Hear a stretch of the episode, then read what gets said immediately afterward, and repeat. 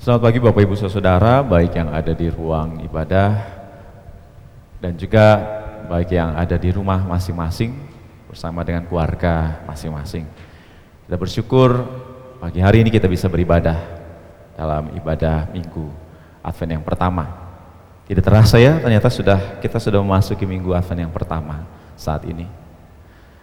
Saya ingat Bapak Ibu ketika uh, virus corona sudah ada di tengah-tengah kehidupan bangsa Indonesia di bulan Maret yang lalu, tiba-tiba masyarakat kita menjadi, kalau saya bilang menjadi panik. Kenapa? Karena berbondong-bondong orang pergi ke supermarket, pergi ke apotik. Mau ngapain? Mau memborong masker, hand sanitizer, bahkan juga alat-alat kebersihan yang lainnya yang disinyalir bahwa itu bisa membuat rumah kita steril. Hampir di seluruh supermarket, di pasar-pasar, di apotik, kita sulit untuk menjumpai, mendapatkan barang-barang tadi. Dan kalaupun juga kita dapatkan, maka harganya sudah melonjak naik berkali-kali lipat ya. Jangan-jangan kita pun juga seperti itu. Bapak Ibu jangan-jangan juga melakukannya ya. Kok bisa seperti itu? Kenapa kita melakukannya? Kenapa mereka orang-orang luar sana masyarakat kita melakukan itu? Apakah karena kewaspadaan, proteksi diri? Kenapa Bapak Ibu membeli semuanya itu?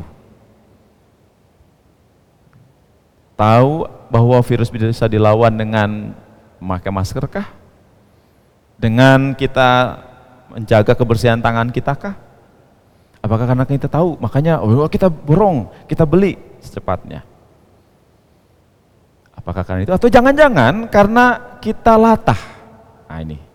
Karena kita latah alias ikut-ikutan. Lihat orang orang e, buru-buru ke supermarket, buru-buru ke apotek beli itu, maka oh ya jangan susah, jangan mau kalah. Ya. Kita ikut-ikutan beli barang-barang tadi. Bahkan jangan-jangan kita menimbun ya di rumah, sehingga sampai sekarang pun juga masih ada tuh jangan-jangan di rumah berbotol-botol. Ya. Jadi kita lakukan bukan karena kesadaran akan, oh ini bisa ditangkal, virus itu bisa ditangkal dengan cara itu. Tapi karena kita latah, kita takut, takut kehabisan sebenarnya ya. Karena ya tadi, begitu banyak orang cepat-cepat eh, memborong itu semua dari eh, pusat-pusat perbelanjaan sekitar kita. Kan kalau mau jujur kita ya itu, kita melakukan itu karena kita takut, Bapak Ibu. Bukan karena kesadaran untuk memproteksi diri, bukan. Karena latah, karena takut. Gitu ya. Nah, apakah itu memang sikap yang tepat sebenarnya?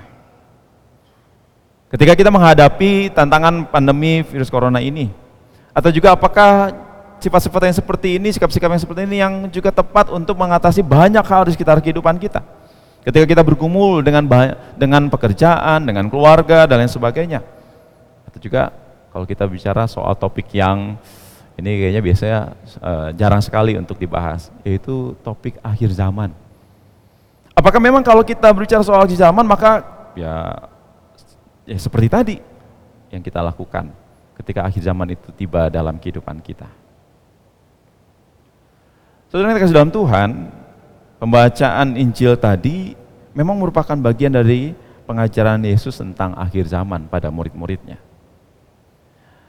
Kalau Bapak Ibu mau membaca dari awal pasal 13 ini, dari ayat 1 sampai dengan 21, maka sebenarnya kita akan mendapatkan gambaran akhir zaman yang cukup menyeramkan Bapak Ibu. Kenapa saya bilang begitu? Karena memang digambarkan oleh Yesus bahwa akhir zaman itu ada peperangan antar bangsa ada gempa bumi yang dahsyat, ada penyiksaan kepada para pengikut Yesus, ada pengkhianatan, ya. Bahkan Yesus katakan sendiri kan juga akan terjadi penyiksaan yang belum pernah terjadi sejak awal dunia. Luar biasa ya, kalau kita uh, lihat betapa mengerikan akhir zaman itu. Dan uh, jawaban Yesus itu sebenarnya kan merupakan jawaban Eh, pengajaran itu merupakan jawaban terhadap pertanyaan muridnya yang tidak tepat Bapak Ibu. Kenapa saya katakan tidak tepat? Karena memang ternyata murid Yesus justru bertanya ketika Yesus eh, sedang menjelaskan tentang bait bait Allah, Mereka justru bertanya kapan, bagaimana tentang peristiwa akhir zaman itu, tentang bait Allah yang akan hancur itu bagaimana caranya, kapan. Nah ini ini pertanyaan tidak tepat sebenarnya.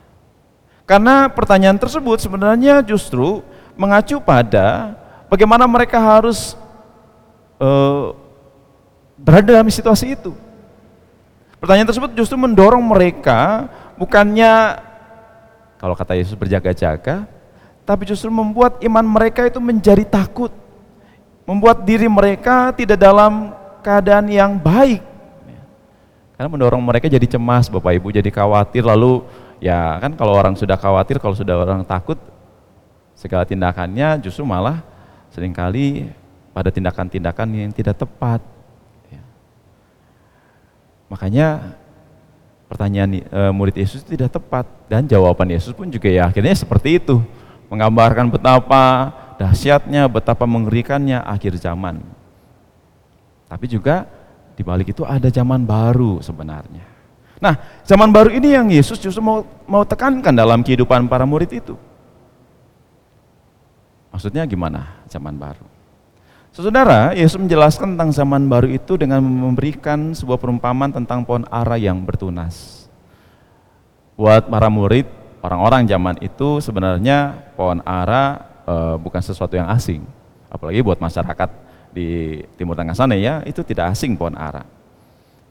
Digambarkan bahwa pohon ara yang bertunas. Bahwa buat kita sih kayaknya susah ya membayangkan tentang uh, situasi pohon ara yang bertunas, kenapa memangnya? Apalagi karena musim kita kan cuma dua, musim panas dan musim hujan. Tidak ada itu musim dingin. Buat kita kan dua, dua musim itu kan ya terus bekerja bisa, nggak masalah gitu ya. Tapi buat orang-orang di Timur Tengah sana, buat orang-orang yang punya beberapa musim termasuk musim dingin, maka tidak bisa setiap musim itu mereka bekerja tidak bisa setiap musim itu e, mereka punya kehidupan yang baik. Terkadang di musim dingin merupakan musim-musim yang sulit buat mereka. Nah gambaran pohon ara yang bertunas merupakan gambaran yang menandai ada sebuah pengharapan yang baru setelah sebuah musim yang begitu sulit dalam kehidupan mereka. Karena ketika pohon ara bertunas berarti di situlah mulai sebuah peralihan dari musim dingin yang penuh dengan kematian tadi ya kalau mau kita gambarkan yang penuh dengan segala kesulitan karena mereka tidak bisa bekerja dan sebagainya ya karena dingin sekali tentu saja lalu kemudian mulai beralih ke musim semi musim bertumbuh musim hidup lagi kalau mau kita katakan karena mulai ada kehidupan yang baik di sana para petani para peladang bisa kembali bertani bisa kembali berladang hewan-hewan ternak bisa kembali ke padang rumput. Lalu ya pasti akan ada banyak kehidupan yang sangat baik. Mereka bisa bekerja dan lain sebagainya, saudara. Jadi bisa kebayang ya, peralihan dari musim yang sulit kepada musim yang sangat baik. Nah, Yesus memakai gambaran itu dalam kehidupan eh, murid-murid e, soal zaman baru. Bahwa perzaman baru itu ada sebuah ada sebuah peralihan, ada sebuah kehidupan yang baik yang ada di sana. Memperlihatkan kepada mereka bahwa di balik itu ada damai sejahtera, ada kehidupan, ada pengharapan baru yang terjadi ketika zaman baru itu hadir dalam kehidupan manusia. Ketika Tuhan datang, ada pengharapan kembali. Nah, oleh karena itu saudara, justru malah Yesus mau supaya para muridnya itu bukan berfokus pada kapan, peristiwanya seperti apa, bukan, bukan itu yang menjadi fokus mereka. Karena tadi ya bahwa kalau fokusnya pada saat pada itu saja, maka murid-murid akan menjadi takut, akan khawatir dan melakukan banyak hal yang tidak baik. Bukan itu. Tapi justru Yesus ingin agar mereka fokusnya pada pada makna kedatangan Tuhan yang kedua kali pada apa yang akan hadir dalam kedatangan Tuhan itu, yaitu damai sejahtera. Ada kehidupan yang baru, ada sukacita yang baru. Ya. Jadi ya setelah duka cita itu ada kehidupan yang baru. Dan itu yang seharusnya mereka lihat. Itu yang seharusnya membuat hidup mereka menjadi punya pengharapan yang begitu baik, yang memampukan mereka untuk ya terus berkarya. Untuk terus melakukan tugas tanggung jawab mereka, untuk terus melakukan panggilan mereka, mewartakan firman Tuhan, mewartakan Injil, berkarya mendatangkan kebaikan bagi banyak orang. Dan itu yang Yesus inginkan dalam berjaga-jaga. Nah, bukankah juga demikian kita, demikian dalam kehidupan kita pada saat ini? Kita masih juga dalam bagian masa penantian akan kedatangan Tuhan yang kedua kali. Sama seperti para murid Yesus. Tugas kita saat ini bukan mereka-reka. Kapan ya? Setahun lagi kah? Dua tahun lagi kah kedatangan Tuhan itu? Atau jangan-jangan melalui pandemi ini kah maka Tuhan itu datang? Gitu ya. Bukan, tugas kita bukan untuk itu. Karena kalau kita hanya sibuk dengan mereka-reka atau karena itu maka lalu kita menjadi takut, lalu kita bersembunyi saja, udahlah nggak usah ngapa-ngapain, kita tunggu saja sampai Tuhan datang. Maka kehidupan kita menjadi kehidupan yang tidak punya makna. Bukan kehidupan itu yang Tuhan Yesus inginkan dalam kehidupan kita saat ini. Seperti para murid, kita pun juga punya tugas untuk terus berjuang menghadirkan damai sejahtera. Pada saat ini saudara, kita dalam uh, kampanye 16 hari anti kekerasan terhadap perempuan. Kita punya tugas untuk itu. Karena itu juga menjadi bagian dalam kehidupan kita untuk berjaga-jaga dalam kehidupan kita. Karena ada begitu banyak kaum perempuan gitu ya, atau juga anak-anak atau mereka uh, kelompok minoritas yang saat ini mengalami kekerasan, yang saat ini mengalami diskriminasi, yang saat ini ditindas oleh banyak orang, entah itu oleh pasangannya, entah itu oleh keluarganya, bahkan juga gereja dan juga negara. Nah, di mana kita? Di mana gereja? Di mana Anda dan saya ketika itu terjadi? Apakah kita lalu bersembunyi saja atau kita menutup mata akan segala penindasan tersebut? akan penderitaan banyak perempuan karena ketidakadilan gender. Di mana kita? Gereja punya tugas untuk juga hadir di sana. Dalam berjaga-jaga, dalam kita membaca tanda-tanda akhir zaman, kita bukannya lalu bersembunyi, tidak.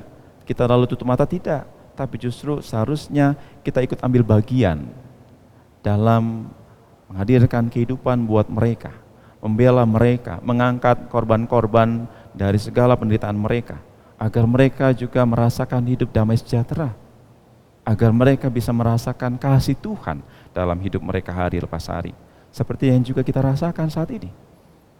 Yang mendorong kita, yang mampukan kita untuk terus hidup bekerja dan melakukan banyak pelayanan-pelayanan dalam kehidupan kita. Itulah makna buat kita saat ini.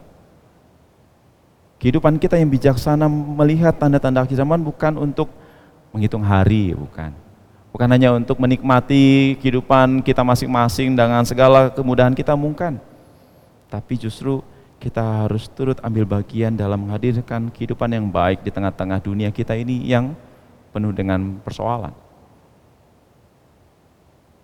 Artinya jangan kita berdiam diri Bapak Ibu Saudara. Berjaga-jagalah sama seperti ketika kita saat ini ya, dalam situasi pandemi juga, kan kita harus berjaga-jaga. Menjaga kehidupan kita dengan memakai masker, dengan selalu membersihkan tangan kita, membersihkan tubuh kita, dengan menjaga jarak dengan orang lain, tidak ke kafe, menghindari kerumunan-kerumunan, atau juga ya kalau memang harus terpaksa bekerja, keluar rumah, ya kita harus benar-benar menjaga kehidupan kita. Karena itu berjaga-jaga yang aktif ya. Bukan lalu ya udahlah bodo amat ah, ah virus corona memang ada, kan tidak. Tapi kita mau menjaga kehidupan kita diri sendiri supaya kehidupan orang lain pun juga terjaga. Nah, mari untuk itu. Agar benar-benar kita menjadi pribadi-pribadi yang aktif, berjaga-jaga dalam menjalani kehidupan yang untuk menyambut kedatangan Tuhan yang kedua kali. Dan yang terutama dalam kehidupan kita itu teruslah mengarahkan pandangan iman kita hanya kepada Tuhan. Hanya kepada Tuhan. Bahwa Tuhan yang akan memulihkan kondisi kita. Tuhan akan memulihkan bangsa kita, dunia kita ini. Ya yang terus dan selalu setia menguatkan dan mampukan kita dalam menghadapi berbagai macam kesulitan di masa yang lalu, sekarang dan juga kita percaya di masa yang akan datang. sampai kedatangan Tuhan yang kedua kali. Jadi mari saudara, kita terus menempatkan Tuhan sebagai pengharapan kita, tapi juga memampukan yang mampukan kita untuk terus melakukan banyak perkara, terutama bagi mereka yang menjadi korban kekerasan, ketidakadilan gender di tengah-tengah dunia kita ini. 아멘.